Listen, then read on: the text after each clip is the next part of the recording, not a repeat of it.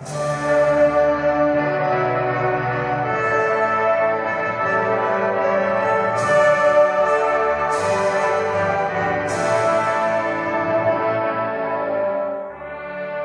till bibelundervisningsprogrammet Vägen genom Bibeln med Kurt Westman.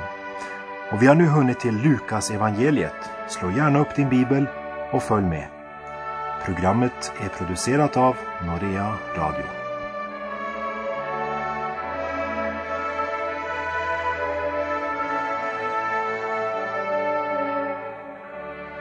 Avslutade förra programmet med Simons lovsång i templet i Lukas 2.35. Därmed har vi kommit till vers 36 och profetissan Hanna som i likhet med Simon var en av de stilla i landet. Simon var en rättfärdig och from man som hade sitt hem i Jerusalem och ledd av anden hade han gått till templet medan Hanna inte kom till templet för att delta vid den här speciella högtiden, för hon var alltid i templet. Och där tjänade hon Gud dag och natt med fasta och bön. Det är väl värt att lägga märke till. Vi läser i Lukas kapitel 2, verserna 36 till och med 38. Där fanns också en kvinna med profetisk gåva, Hanna, Fanuels dotter av Asers stam. Hon var till åren kommen. Som ung hade hon varit gift i sju år. Sedan hade hon levt som änka och var nu 84 år gammal. Hon vek aldrig från templet utan tjänade Gud dag och natt med fasta och bön. Just i den stunden kom hon fram och hon tackade och prisade Gud och talade om barnet för alla som väntade på Jerusalems befrielse.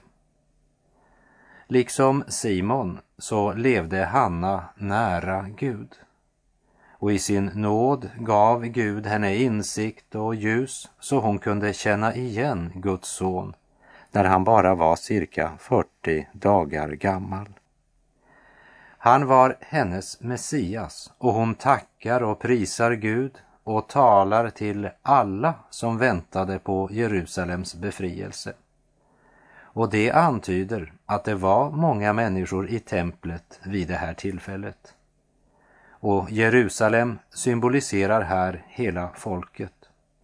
Men av vers 38 anar vi också att om några väntade på den utlovade Messias var det nog också många som i sina tankar var mera upptagna av politisk befriande och som hoppades på en Messias som skulle kasta ut ockupationsmakten. Men de som levde nära Gud i fasta och bön kände igen honom redan när han som drygt en månad gammal baby blev framburen i templet. Ifrån Matteusevangeliet vet vi att nästa händelse i Jesu liv det var flykten till Egypten. Lukas undgår helt medvetet den händelsen. Och det är nyttigt för oss att på nytt minnas vart av evangelierna att de har sin särskilda hänsikt. Matteus presenterar Herren Jesus som kung. Lukas presenterar honom som sann människa. Därför är inte de visa männens besök så viktigt för Lukas. De kom för att besöka en konung. Och Lukas skriver om Gud som blev människa. Och lägg märke till hur han följer sin målsättning även när det gäller det här. Vi läser verserna 39 och 40. När de hade fullgjort allt som föreskrivits i Herrens lag återvände de till sin hemstad Nasaret i Galileen. Pojken växte och fylldes av styrka och vishet och Guds välbehag var med honom. Lukas presenterar Jesus som sann människa.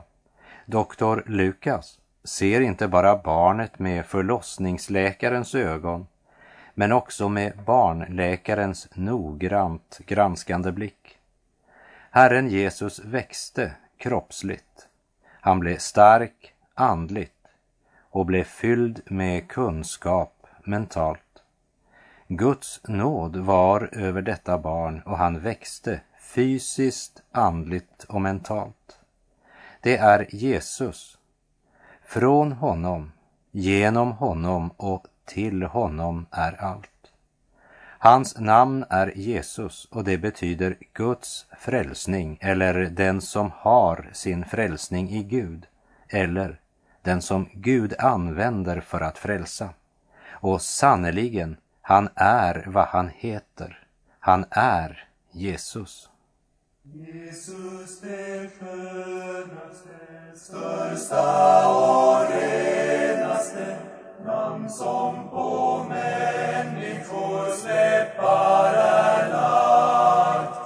Rik på barmhärtighet, sanning och salighet. Rikt av Guds kärlek, hans nåd och hans makt. Motgångar möter mig, aldrig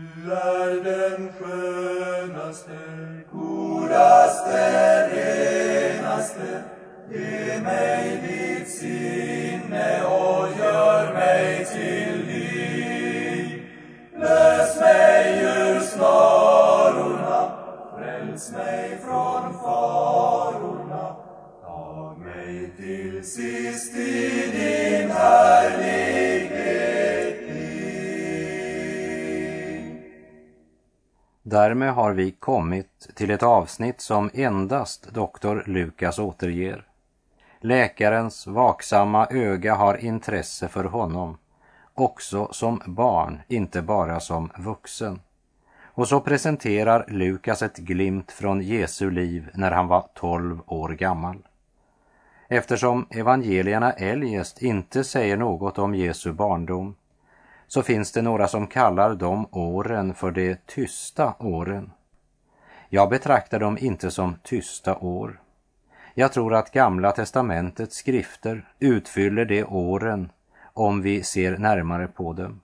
Och även det här lilla glimtet av Jesu liv som Lukas ger här säger ganska mycket om hans tid fram till denna händelse. Tolvåringen som sitter i templet mitt bland sakkunniga lärare och lyssnar och frågar på ett sätt som inte bara förvånade dem alla men som också vittnar om vad detta barn har sysslat med i sitt hem.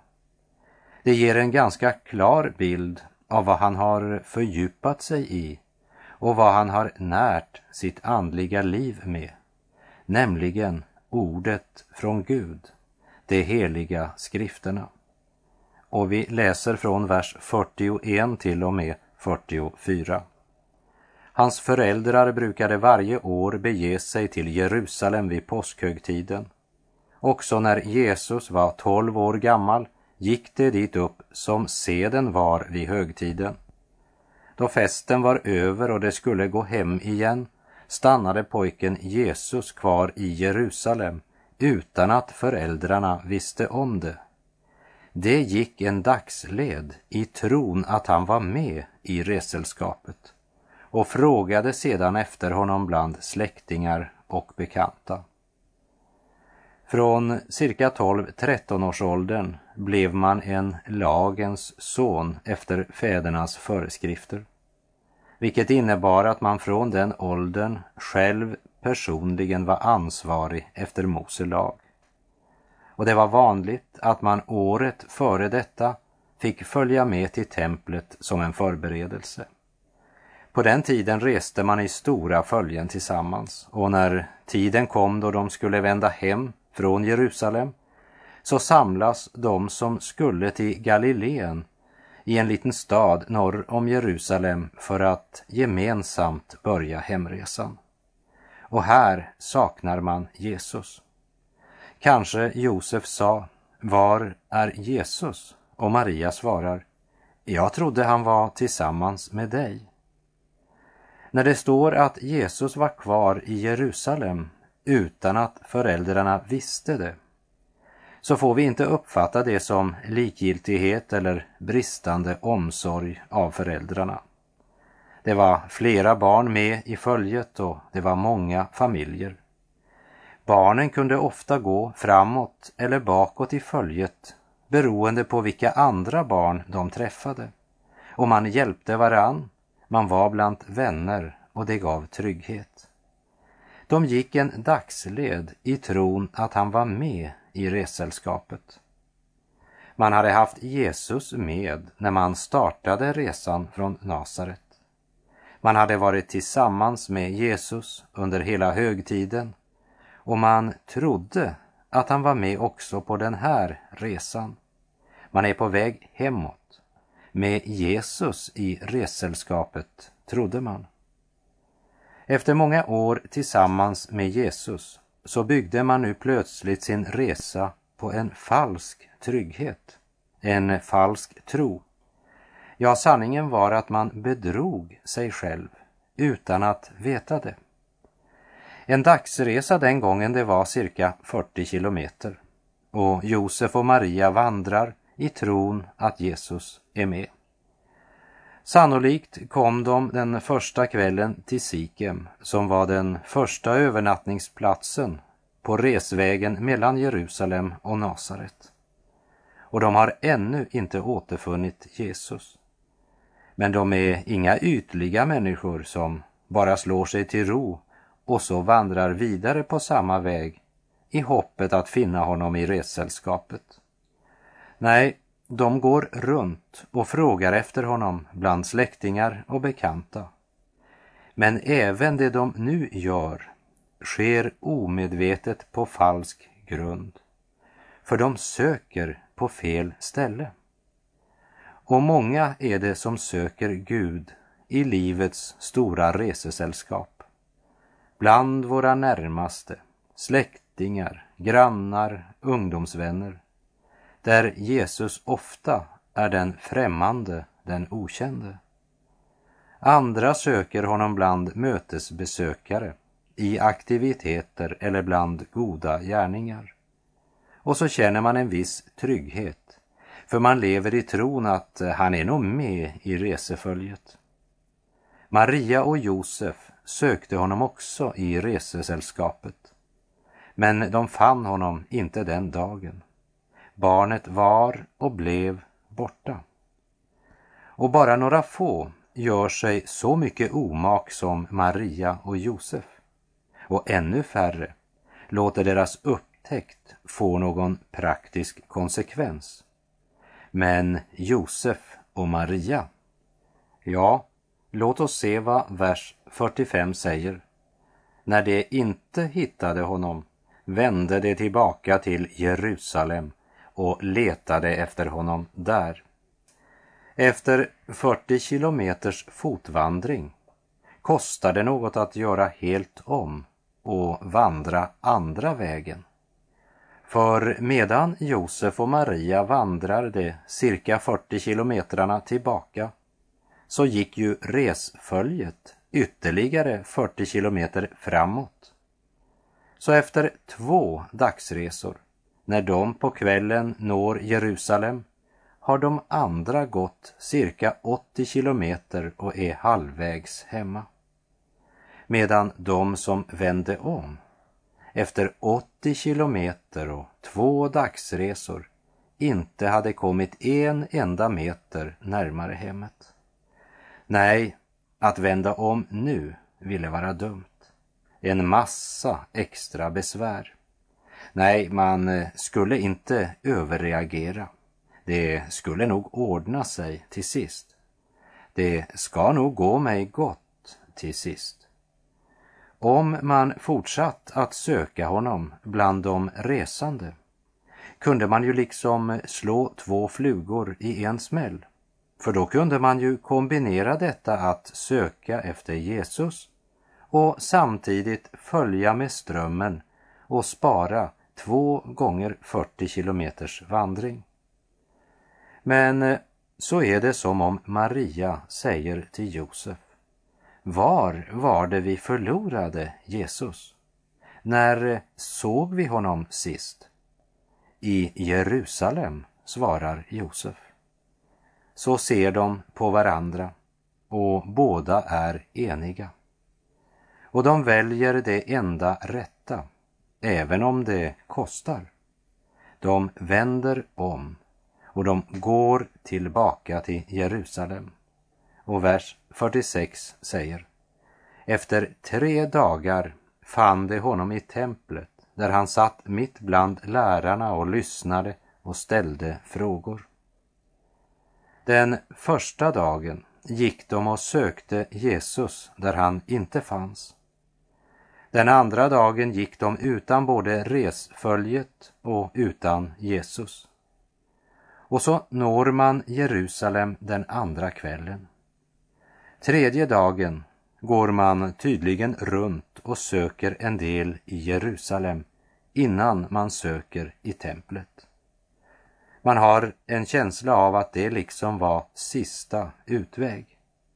Man hade försökt leta efter Jesus överallt. Och är det inte så med oss människor ofta? Vi försöker absolut allt innan vi vänder oss till Gud. Men hade Jesus varit som död för dem i två dagar så fann de sitt kära barn levande på den tredje dagen. Han stod mitt bland templets teologer och lärda och han lyssnade och han ställde frågor. Vi läser verserna 47 till och med 50. Alla som hörde honom häpnade över hans förstånd och det svar han gav. Föräldrarna blev bestörta när de såg honom och hans mor sade till honom, barn, hur kunde du göra så mot oss? Din far och jag har letat efter dig och varit mycket oroliga. Han svarade, varför skulle ni leta efter mig? Visste ni inte att jag måste vara hos min fader? Men de förstod inte vad han menade med sina ord. Jesus var visar den överraskning det är för Jesus att de inte visste att han borde göra sin faders gärningar. Och det är mycket allvarligt att lägga märke till orden, men de förstod inte vad han menade med sina ord. Tänk Maria som hade fått besök av ängeln Gabriel, fått motta det gudomliga budskapet att hon skulle föda Guds son och Josef som av ängeln fick uppenbarat att han skulle kalla honom Jesus för han skulle frälsa sitt folk från deras synder. Och efter att Jesus var född så hade både Josef och Maria fått uppleva besöket av herdarna som vittnade om att en ängel hade sagt till dem Idag har en frälsare blivit född åt er i Davids stad. Han är Messias, Herren. Och detta ska vara tecknet för er. Ni ska finna ett nyfött barn som ligger lindat i en krubba. Tolv år senare står de i templet, den sista plats där de sökt honom. Och Jesus talar till sina föräldrar men de förstod inte vad han menade med sina ord. Men Jesu ord fick nog båda att tänka tillbaka och begrunda.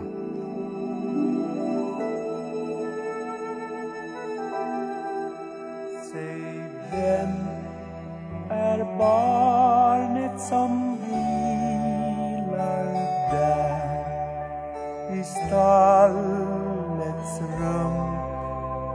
Och Marias knä som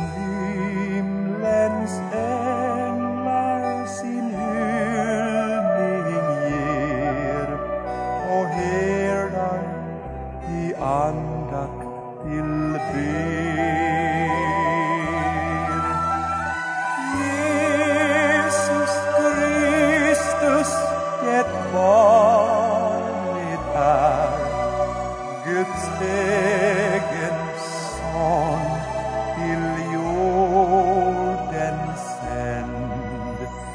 Sjung, sjung din jubelsång för frälsaren vår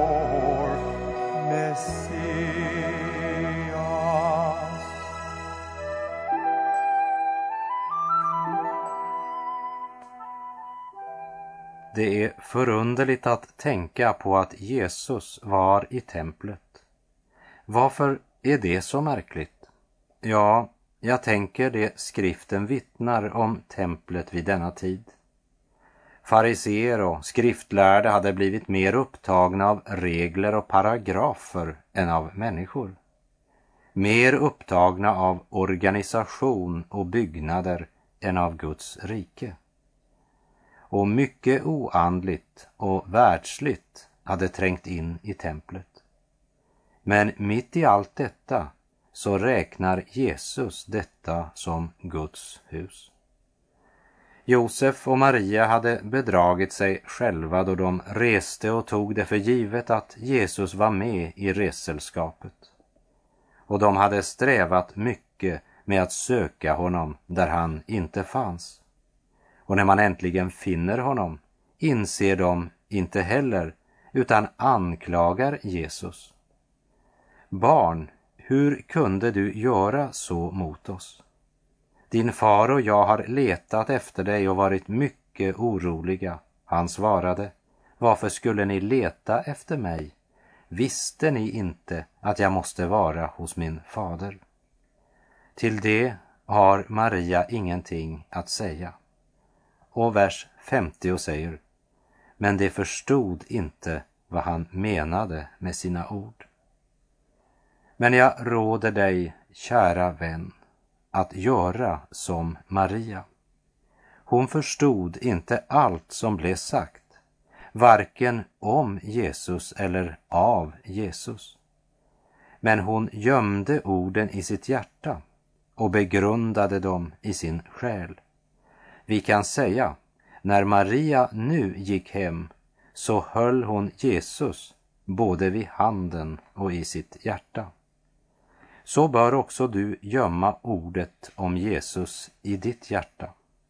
Och under bön om Andens ljus ska du flitigt studera ordet om Jesus och orden av Jesus.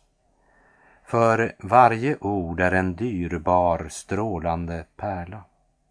Men pärlan ligger dold inne i musslan och vi vet inte alltid strax hur vi ska öppna den. Förstår du inte allt strax, så be Gud om nåd att gömma allt Guds ord i ditt hjärta. Vi läser i Lukas 2.51. Sedan följde han med dem ner till Nasaret och han lydde dem i allt. Hans mor bevarade allt detta i sitt hjärta. Vad gjorde Jesus efter att han som tolvåring varit i templet och under de cirka 18 år till den dag då han döps av Johannes och träder in i sin gärning? Jo, han övar och praktiserar det fjärde budet. Hedra din fader och din moder. I femte Mosebok 5.16 står det Hedra din fader och din moder som Herren din Gud har befallt dig, för att du må leva länge och det må gå dig väl i det land som Herren din Gud vill ge dig. Och vi läser Lukas 2.52. Och Jesus växte till i visdom och ålder och var till glädje för både Gud och människor. Jesus var lydig mot sina föräldrar. I sitt andra brev till Timoteus skriver Paulus i det tredje kapitlet följande om den yttersta tiden. Det skall de veta, att i de sista dagarna blir tiden svår. Då kommer människorna att tänka bara på sig själva och på pengar. De blir skrytsamma, högmodiga, fräcka, olydiga mot sina föräldrar, otacksamma, ogudaktiga, kärlekslösa, oförsonliga, fulla av förtal, obehärskade, våldsamma, främmande för allt gott, svekfulla, hänsynslösa och inbilska. De älskar njutningar mer än Gud. De bär fromheten som en mask, men vill inte veta av dess kraft. Håll dig borta från dem. Också den kristne som är född på nytt lever i en daglig kamp, för han bär på två naturer. Och i alla livets situationer måste han välja vem som ska korsfästas och vem som ska friges i mitt hjärta idag. Jesus eller Barabbas. Jesus eller självlivet.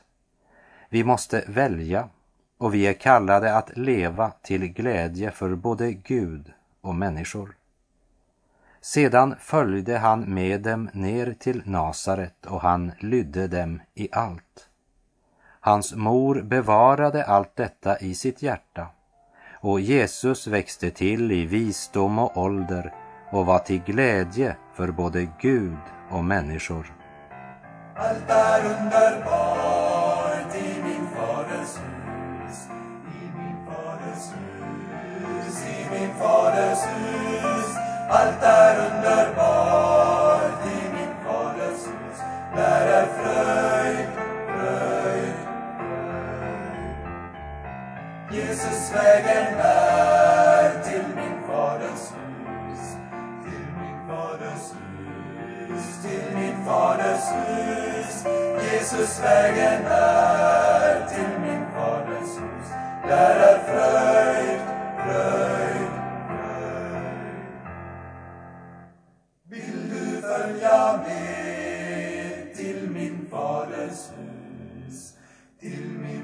min faders hus, till min faders hus?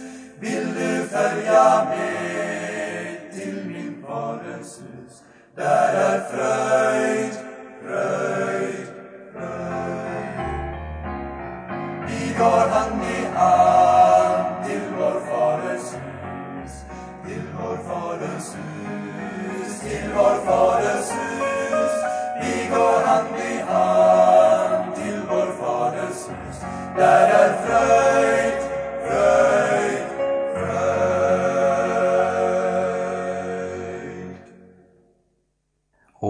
det så får jag lov att säga tack för den här gången.